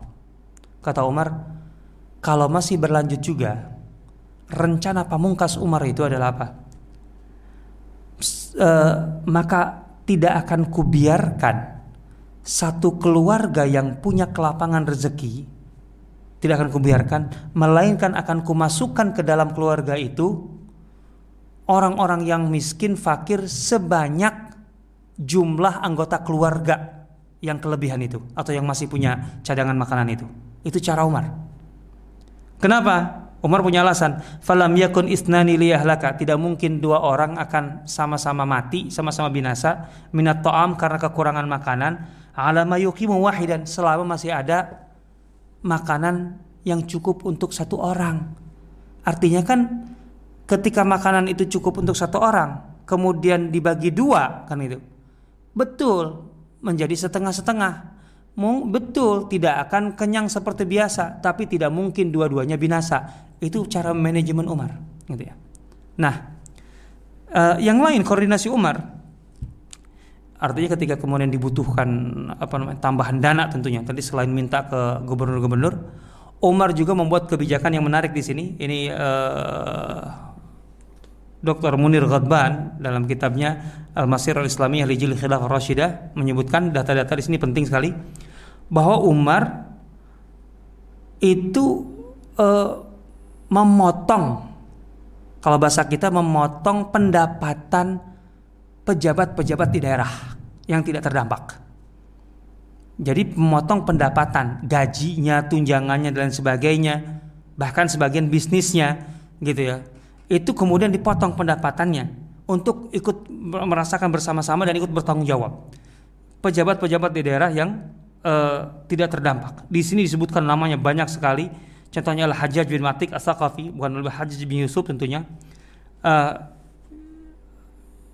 Abu Bakar juga begitu. Kemudian disebutkan di sini uh, Nufai dan Nafi bin Haris bin Kaldah uh, Ibnu Ghalab, Khalid bin Haris bin Bani, bin Bani, bin Bani Duhman, bin Nasr bin Muawiyah bin Bakar bin Hawazin, ala Baitul Mal bi Asbahan. Jadi dia pengurus apa namanya uh, katakanlah bendahara di Asbahan juga begitu. Asim bin Qais bin Salt karena ala Manadir juga di Manadir. Asim bin Qais juga begitu. Ini dan dan dan seterusnya. Pejabat-pejabat di daerah dipotong pendapatannya oleh Umar di masa krisis Ramadan untuk bisa mengcover. Dan tentu saja Umar uh, selain cara memanage dan memimpin seperti tadi dan kemudian juga tadi akhlaknya, kasih sayangnya begitu jelas luar biasa kepada rakyatnya. Umar kemudian juga menggunakan pendekatan doa dengan sangat kuat sekali. Umar mengumpulkan orang-orang dan kemudian berdoa. Bahkan di sini ada beberapa kesempatan Umar itu sholat istiqo kemudian berdoa uh, dia sendiri yang berdoa kemudian dia berdoa dengan uh, bertawasul melalui Abbas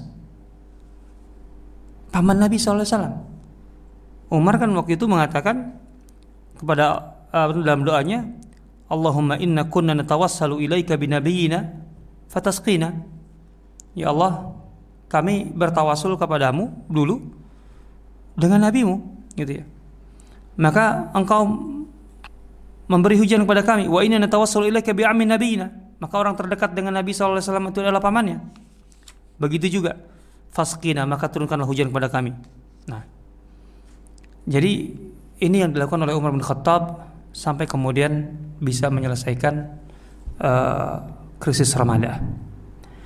Di situ ada kemampuan manajemen yang luar biasa, ada koordinasi dan ada empati. Oh, artinya simpati dan empati dari seorang pemimpin. Dan Umar bin Khattab terjun langsung dalam arti merasakan langsung apa yang dirasakan oleh rakyatnya. Dia sendiri tidak pernah makan bersama keluarganya. Dia makan dari makanan uh, yang dibagikan kepada rakyatnya bersama rakyatnya. Dari situ dia tahu bisa memetakan masalah dengan jelas dan kemudian uh, dia bisa menyelesaikan. Dan tentu juga itu di, uh, disempurnakan dengan doanya yang sangat luar biasa. Doanya Umar yang dia tidak bisa tidur gara-gara itu sudah cukup bagi kita untuk menunjukkan sosok Umar dengan segala uh, kelebihannya dalam baik itu dalam memanage ataupun dalam uh, akhlaknya atau moralitasnya. Allahumma la taj'al halaka ummati ma'um halaka ummati Muhammadin fi yadai wa fi wilayati. Ya Allah jangan engkau jadikan kehancuran atau kebinasaan umat Muhammad di tanganku dan di masa pemerintahanku. Wallahu taala alam demikian uh, yang ingin saya sampaikan gambaran terkait dengan bagaimana Umar bin Khattab menyelesaikan uh, krisis Ramadan yang berkepanjangan selama kurang lebih 8 sampai 9 bulan. Barangkali ada sesi pertanyaan silakan. Baik, nah, di sini ada beberapa pertanyaan. Yang pertama dari Syul Zaki Ahmad. Ustaz, apa di sini bertanya? Bagaimana cara memulai jika pemimpin yang dulunya itu leha dalam memimpin suatu kaum atau daerah dan ingin memulai kembali dari nol sebagai penebus yang saat memimpin. Bagaimana apanya nih? Cara memulai jika pemimpin yang dulu itu leha. Cara memulai maksudnya dari sisi kita sebagai rakyat atau dari sisi pemimpinnya? Kalau pemimpinnya otomatis dia harus bertaubat lah. Karena tentu saja dosanya sangat besar gitu. Uh, hadis Rasulullah menjelaskan tentang itu. Siapa yang diberi amanah oleh Allah untuk mengurusi urusan orang banyak rakyat, kemudian wahwa ghasyun li dan kemudian dia uh, artinya tidak amanah, dia uh, tidak menjalankan fungsinya dan dia tidak mengurusi rakyatnya, bahkan menipu, menipu rakyatnya, maka dia tidak akan pernah mencium bau surga.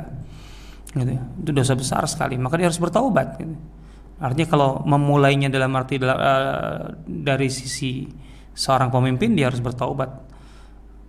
Dari sisi kita sebagai rakyat, ya tadi nasihat.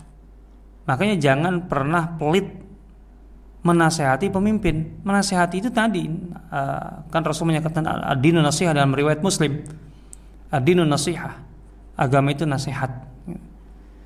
Nasihat di sini bukan sekedar nasihat dalam praktek budaya Indonesia gitu ya Nasihat itu artinya memberi masukan, termasuk memberikan laporan kondisi rakyat yang yang bersangkutan atau rakyatnya tidak mungkin sanggup mengakses pemimpinnya banyak alasan lah ya atau banyak faktor rakyat tidak bisa mengakses pemimpin maka orang yang kemudian menjadi pengantar atau perantara urusan rakyat itu yang dia tidak bisa memimpin itu penting sekali itu bagian dari nasihat gitu ya terus kemudian memberikan ide-ide, gagasan dan termasuk mengkritik, mengkritisi.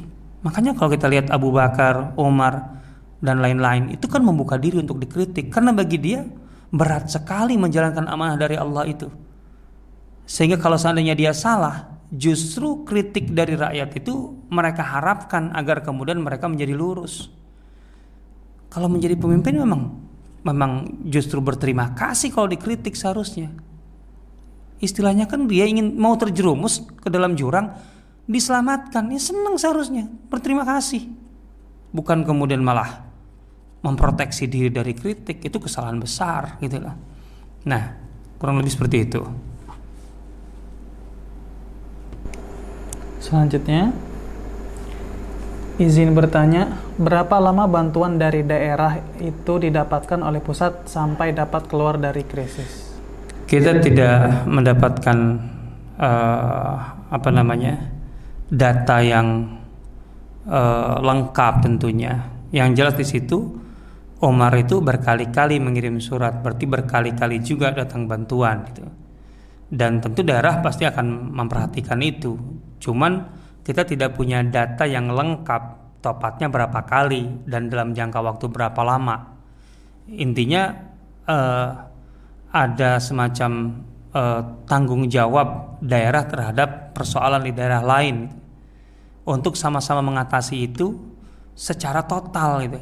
Jadi kalau kita bahasa Amr bin As itu uh, aku akan kirimkan bantuan yaitu karavan uh, unta yang pertama atau di baris pertama akan ada dekatmu sementara baris terakhir itu kan menunjukkan totalitas gitu ya. Uh, artinya kami tidak akan membiarkan daerah lain atau Madinah berjibaku sendirian harus dibantu gitu. uh, se total mungkin gitu. Intinya di situ. Ya sesuai dengan kemampuan masing-masing tentunya gitu ya. Sampai selesai gitu.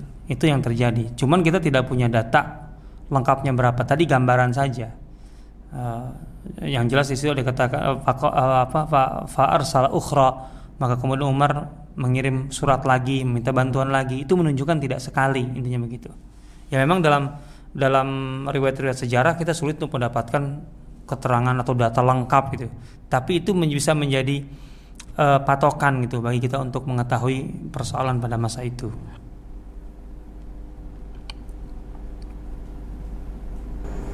Selanjutnya uh, di video ini dijelas dijelasin sepak terjang Umar. Sementara ada sahabat lain yang jadi pembantu Umar, misal Abdurrahman bin Auf, Ibnu Abbas dan lain-lain. Apa peran mereka atau para sahabat lain sebagai support system? Lagi-lagi tidak, saya tidak mendapatkan data Umar itu uh, menunjuk si fulan si fulan. Seperti tadi riwayat Aslam menyatakan Umar menunjuk orang-orang rijalan bukan satu dua gitu. Artinya banyak orang yang memang ditugasi atau mendapatkan tugas dari Umar untuk menangani masalah ini. Cuman tidak ada keterangan secara spesifik orang-orang ini siapa saja. Yang jelas orang-orang terdekat Umar pasti orang yang paling sibuk, nggak mungkin enggak. Abdurrahman bin Auf itu kan yang dalam beberapa riwayat disebutkan dia yang diajak Umar untuk ronda malam gitu. Ronda malam aja nemani Umar kan. Apalagi dalam kondisi krisis seperti ini gitu. Ya artinya pasti mereka semua terlibat. Nah, bayangkan saja ada 60 ribu di sekitar Madinah, bagaimana tidak terlibat? Bisa jadi semua orang Madinah terlibat itu. Cuman kita memang tidak punya uh, riwayat yang spesifik siapa bekerja apa gitu. Tapi apa yang dikerjakan kita bisa mendapatkan itu kok. Intinya masalah teratasi. Uh, setiap kelompok yang datang ke Madinah itu ada kayimnya, ada pengurusnya, ada pengawasnya gitu. Sehingga urusan mereka tadi uh, setelah dikatakanlah di, dilayani gitu ya. Nah, para petugas ini ifaida ams, amsau ketika um, masuk waktu malam, mereka akan kumpul bersama Umar untuk melaporkan melaporkan kondisi di lapangan seperti apa masing-masing gitu. perkembangan progresnya seperti apa, evaluasi seperti apa, apa yang bisa dilakukan lagi besoknya. Pasti itu dilakukan. Itu cara manajemen Umar. Di situ kita dapatkan gambarannya gitu ya.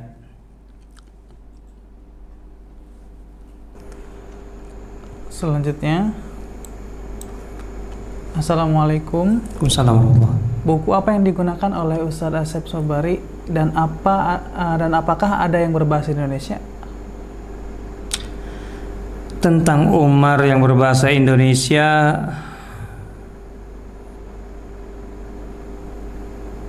yang diterbitkan Al Kausar kalau nggak salah ada tentang Umar tapi yaitu tidak panjang ya uh, artinya tidak banyak barangkali. Yang lain ya tentang pokoknya kalau biografi Umar mesti ada lah Romadah itu. Nah di sini saya di antara buku yang saya gunakan adalah Akhbar Umar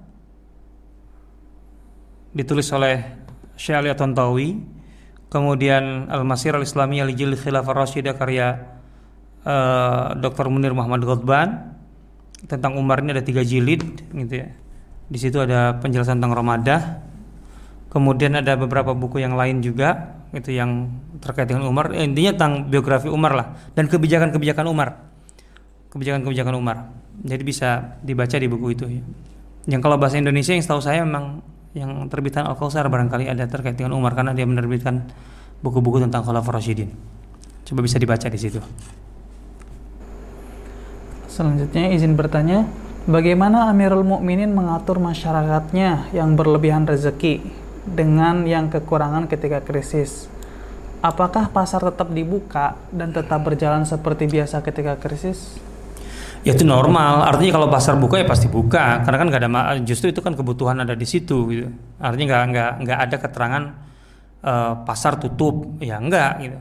Karena uh, di masa-masa sulit seperti itu memang terjadi kekurangan kelangkaan itu jelas gitu ya. Tapi bukan berarti tidak tidak eh, tertutup sama sekali.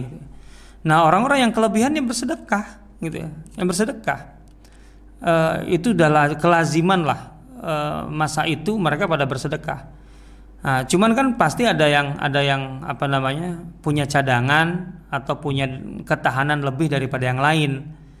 Nah, Omar tidak serta merta meminta semua orang yang punya kelebihan untuk kemudian apa namanya e, menarik gitu kelebihan itu itu dijadikan opsi terakhir oleh Umar. Makanya tadi saya katakan di pernyataan Umar setelah selesai Ramadan itu kalau masih juga gitu ya. Artinya pemerintah sudah betul-betul tidak berdaya sama sekali ah, itu akan cara memanajenya begitu. Orang-orang ini tidak akan dibiarkan di tempatnya masing-masing gitu loh. Tetapi mereka akan digabungkan. Setiap keluarga gitu, yang punya uh, kecukupan rezeki akan digabungkan dengan orang yang miskin yang fakir gitu waktu itu dengan jumlah yang sama. Sehingga porsi makanan yang ada di rumah itu yang cukup untuk anggota keluarga itu dibagi dua. Sehingga setidaknya tidak kenyang tapi tidak akan kelaparan. Gitu aja uh, istilah Umar tapi kan selama itu Umar masih mencoba untuk apa namanya uh, mengcover dengan manajemen uh, keuangan negara lah katakan gitu. Baik itu yang dari Madinah ataupun dari daerah ataupun tadi dengan cara memotong pendapatan uh, pejabat-pejabat daerah yang tidak terdampak dengan Ramadan gitu. Dan itu masih bisa artinya untuk untuk sekedar bertahan bisa gitu ya. Masih bisa. Sehingga tidak diterapkan oleh Umar nah tentu kalau itu diterapkan memang akan jadi berat sekali kan jadi semua orang bisa bisa kesulitan gitu ya Ya, tapi itu opsi terakhir dan itu tidak sempat dilakukan karena sudah bisa diselesaikan.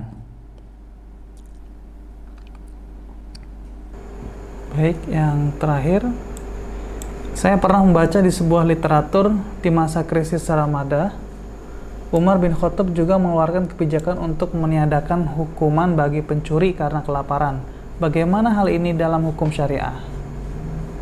Ya tentu Umar melihatnya dari syariah Artinya ketika Umar membatalkan hukuman potong tangan terhadap orang yang mencuri di masa Ramadan ini itu karena pertimbangan syariat. Jadi pertanyaannya bagaimana? Uh, ini jelas Umar itu menimbang uh, pembatalan hukum potong tangan di masa itu berdasarkan syariat. Bagaimana itu? Kan mencuri itu ada definisi. Artinya mencuri yang kemudian dijatuhi hukuman potong tangan dalam Al-Qur'an as-sariqu was-sariqatu faqtau aydiyahuma.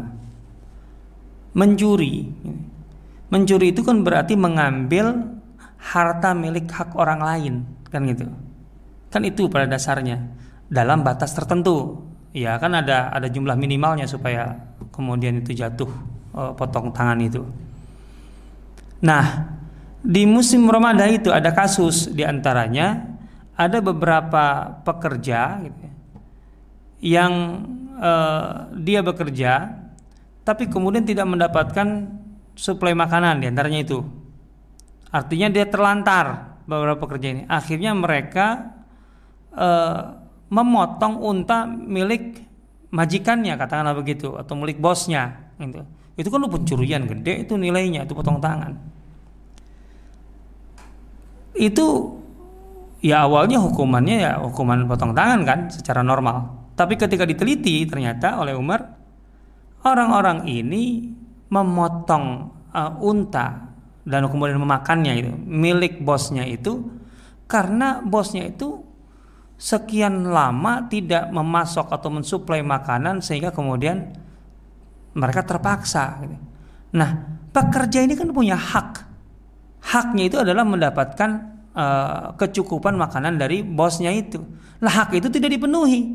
Lah kemudian mereka memotong unta bosnya. otomatis kan sebenarnya di situ ada hak mereka juga kan gitu. Sehingga dia tidak mencuri jadinya dengan itu dalam arti mencuri tadi. Dia tidak semata-mata memotong uh, unta milik seseorang atau bosnya dalam hal ini. Karena mereka memotong itu uh, dengan alasan hak mereka tidak dipenuhi oleh bosnya. Kan itu. Maka di sini ada syubhat ada percampuran antara hak mereka yang tidak diberikan gitu. dan al hududu tudra'u bisyubuhat gitu ya hukuman hudud itu dibatalkan ketika uh, ada syubhat tidak sepenuhnya clear kan gitu makanya kemudian tidak jadi potong tangan gitu ya. karena tidak terpenuhi unsur sarikah pencurian yang kemudian dijatuhi hukuman potong tangan itu berdasarkan keterangan Al-Qur'an kan gitu. Itu pendangan syar'i gitu ya. Jelas sekali di situ. Nah, gambarnya seperti itu kurang lebih. Ada satu titipan lagi dari Bapak Adi Nur Iman. Bagaimana sikap rakyat pada masa musibah itu? Kenapa bisa sabar? Yang kedua, apakah ada tuntuta, tuntu, tuntutan terhadap pemimpinnya atau bully istilahnya. Kenapa rakyat bisa sabar? Apa yang membuat rakyat harus katakanlah protes atau marah kepada pemimpinnya, pemerintahnya? Saya sudah menjelaskan Umar selama berdasarkan riwayat-riwayat yang ada Umar itu selama menangani krisis Ramadan dia makan aja dari makanan yang dibagikan kepada rakyatnya. Dia tidak makan di dalam rumahnya. Dan ketika satu ketika ada makanan yang lebih enak yang diberikan oleh pelayannya Yarfa atau Aslam Umar marah Gak mungkin aku bisa menyelesaikan urusan rakyatku dalam kondisi seperti ini kalau aku tidak merasakan apa yang merasakan. Umar sibuk seharian seperti tadi. Dia sendiri mengangkat sampai dua uh, karung dan kemudian mema uh, memasaknya, menyediakannya, gitu ya, menyajikannya ke kepada rakyatnya, gitu. Ya. Itu harian seperti itu. Sore-sore dia menerima laporan dari para petugas atau pejabat-pejabat bawahannya. Kemudian malam hari dia hanya tidur barangkali hanya hanya sesaat untuk kemudian sholat malam berdoa kepada Allah di saat rakyatnya sudah bisa tidur dan kemudian dia masih meronda mengecek dan kemudian masih berdoa kepada Allah Subhanahu wa taala ya Allah jangan hancurkan rakyatku atau jangan jadikan kehancuran rakyatku di tanganku Bagaimana rakyatnya akan protes pada Umar atau pada pemerintah kalau pemerintahnya seperti itu? Kenapa rakyat protes, rakyat marah? Ya lihat aja kelakuan pemerintahnya di dalam kondisi krisis seperti ini. Itu aja sih sederhana sebenarnya. Dan uh, sehingga tidak mungkin ada yang nyinyir, ada yang membuli pemerintah, membuli gimana. Orang Umar itu disebutkan Umar itu kulitnya putih di apa namanya uh, krisis Ramadan itu menjadi hitam, gitu ya. Uh, dan ada satu satu riwayat disebutkan bahwa kalau Ramadan itu tidak berakhir pada saat itu gitu, artinya masih berjalan. Itu kalau tidak salah Aslam yang mengatakan aku menduga kuat Umar bakal mati. Kenapa? Fisiknya melemah? Mungkin.